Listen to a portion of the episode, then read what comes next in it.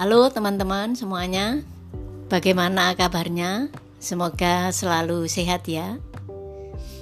Untuk materi perkuliahan hari ini, untuk mata kuliah manajemen pemasaran, yaitu penyusunan rencana dan strategi dalam pemasaran.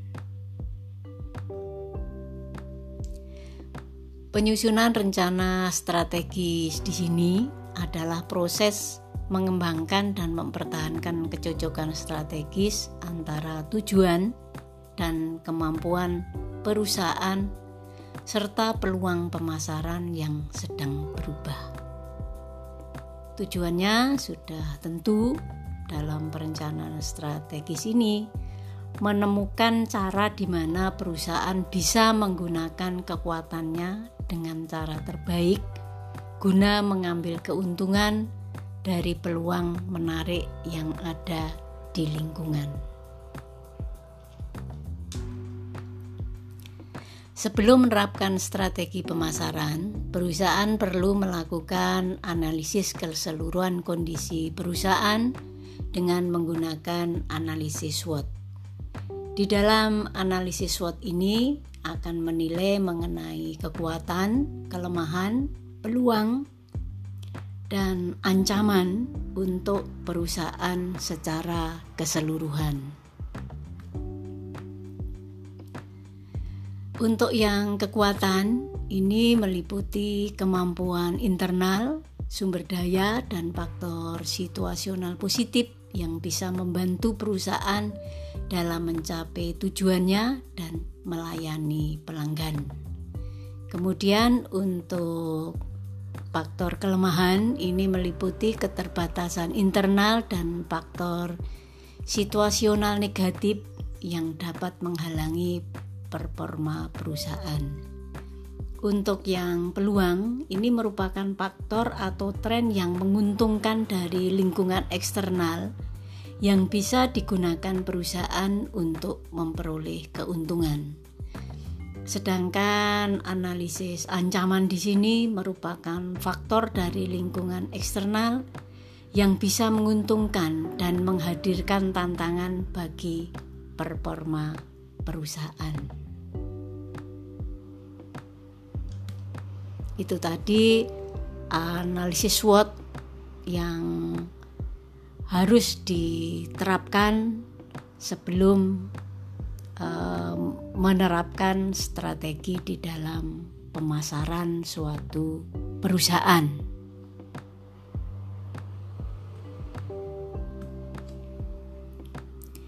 Kemudian untuk strategi pemasaran ini merupakan upaya memasarkan suatu produk baik itu barang maupun jasa dengan menggunakan pola rencana dan taktik tertentu sehingga jumlah penjualan menjadi lebih tinggi. Adapun langkah-langkah penerapan strategi pemasaran adalah pertama yaitu segmentasi pasar. Kemudian yang kedua yaitu adanya penetapan target pasar. Kemudian diferensiasi dan posisi pasar. Mari teman-teman kita bahas satu persatu dalam langkah-langkah penerapan strategi pemasaran. Untuk yang segmentasi pasar, ini adalah suatu strategi untuk perusahaan mengenal minat dan kebutuhan konsumen di suatu market atau pasar yang kemudian menciptakan produk baru yang sesuai dengan minat dan kebutuhan konsumen tersebut. Tujuan daripada segmentasi pasar ini adalah memudahkan dalam membedakan pasar, kemudian pelayanan konsumen akan menjadi lebih baik, kemudian strategi pemasaran lebih terarah, juga mengenal kompetitor dengan segmen yang sama, juga adanya evaluasi target dan rencana daripada bisnis. Untuk yang memudahkan dalam membedakan pasar, yaitu dengan mengelompokkan konsumen yang sifatnya homogen, maka perusahaan akan lebih gampang memahami kebutuhan dan minat konsumen, di mana hasil akhirnya nanti suatu pasar akan lebih mudah untuk dibedakan dengan kelompok pasar lainnya. Sedangkan dalam pelayanan konsumen menjadi lebih baik, ini maksudnya eh, di dalam pelayanan konsumen itu ada empat hal eh, kualitas atau ada empat hal kebutuhan yang harus dipenuhi di mana yaitu ada kualitas, ada harga, ada pelayanan dan juga ada ketetapan waktu. Dan kita tahu dengan pelayanan yang baik ini akan merupakan hal yang krusial dari keempat hal terpenting tersebut. Karena dengan adanya pelayanan yang baik ini uh, kita harapkan bahwasanya konsumen itu tidak akan meninggalkan kita. Kemudian tujuan yang ketiga yaitu strategi pemasaran lebih terarah di mana dengan adanya pengelompokan pasar maka perusahaan bisa mengarahkan dana dan usahanya ke market yang potensial dan juga lebih menguntungkan. Untuk yang mengenal kompetitor dengan segmen yang sama, ini dimaksudkan setelah uh, perusahaan memahami pembeli yang berada pada suatu segmen pasar Tentunya perusahaan juga akan bisa mengetahui siapa saja kompetitor di segmen yang sama dan aktivitas apa yang dilakukan oleh kompetitor. Sedangkan untuk evaluasi target dan rencana bisnis ini dimaksudkan setelah memahami segmen pasar dan karakteristiknya maka perusahaan bisa melakukan suatu evaluasi atas kegiatan pemasaran yang pernah dilakukan sebelumnya. Itu tadi tujuan daripada segmentasi pasar. Kemudian untuk penetapan target pasar maksudnya adalah Eh, kegiatan menilai serta memilih satu atau lebih segmen yang akan diambil perusahaan.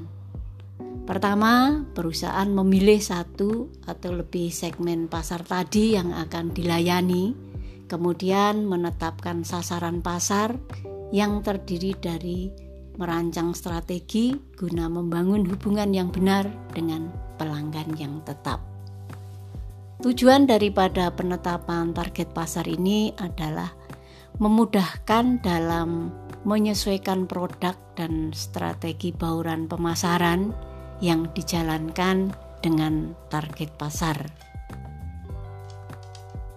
Selain itu, juga mengembangkan posisi produk dan strategi bauran pemasaran, kemudian mengantisipasi adanya persaingan memanfaatkan sumber daya perusahaan yang terbatas secara efisien dan efektif, juga membidik peluang pasar yang lebih luas, kemudian menempatkan gagasan pemasaran dengan lebih jelas, mengatur produk menjadi lebih baik, juga menemukan dan membandingkan kesempatan pasar, kemudian mengelompokkan budget yang dimiliki secara tepat dan menciptakan daya tarik di bidang pemasaran.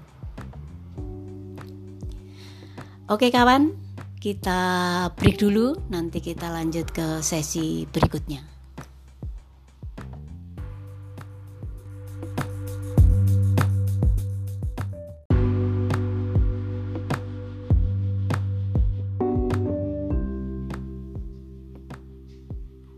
Baik teman-teman, kita lanjutkan kembali. uh, di mana strategi pemasaran yang efektif tentunya akan bisa memadukan semua elemen bauran pemasaran ke dalam suatu program pemasaran yang dirancang untuk mencapai tujuan pemasaran perusahaan dengan membuat nilai untuk konsumen. Dalam strategi pemasaran yang dirancang dengan baik, ini juga akan lebih mudah perusahaan meraih sukses dan lebih banyak di dalam menjual produknya.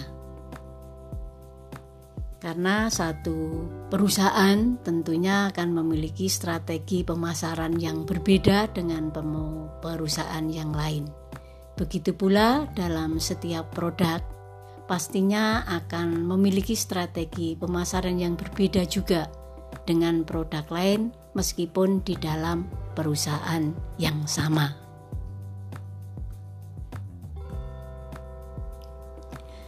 di mana dengan strategi pemasaran yang tepat dengan marketing mix ini menurut Kotler dan Armstrong bisa digunakan oleh perusahaan untuk mengejar tingkat penjualan perusahaan. Atau dengan kata lain bisa dikatakan bahwa marketing mix ini merupakan strategi pemasaran yang menggabungkan elemen-elemen di dalam mix marketing itu sendiri dan dijalankan secara terpadu. Beberapa elemen marketing mix yang dikenal dengan sebutan 4P yaitu ada product, price, promotion, place. Namun di mana dengan seiring perkembangan zaman strategi mix marketing yang 4P ini sudah bertambah menjadi 7P yaitu ada people, proses juga physical evidence.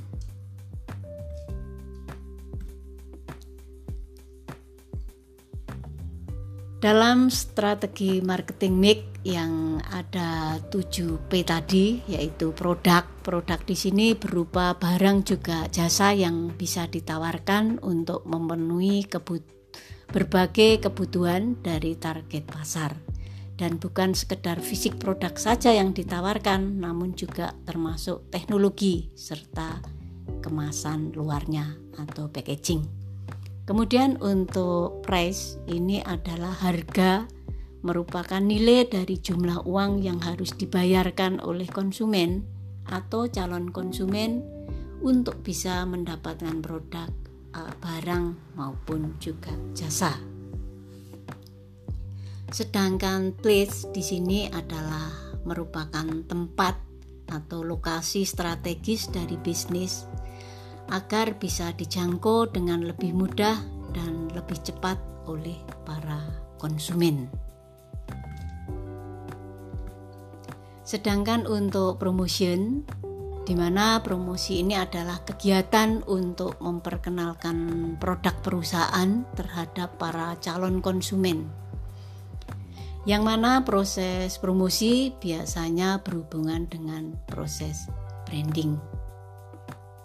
Untuk proses sendiri yang merupakan daripada elemen 7P ini adalah suatu kegiatan yang sudah terintegrasi mulai dari produksi, distribusi sampai dengan penerimaan produk oleh para konsumen. Termasuk juga tentang bagaimana proses pelayanan mulai dari penawaran penjualan sampai dengan layanan porna jualnya.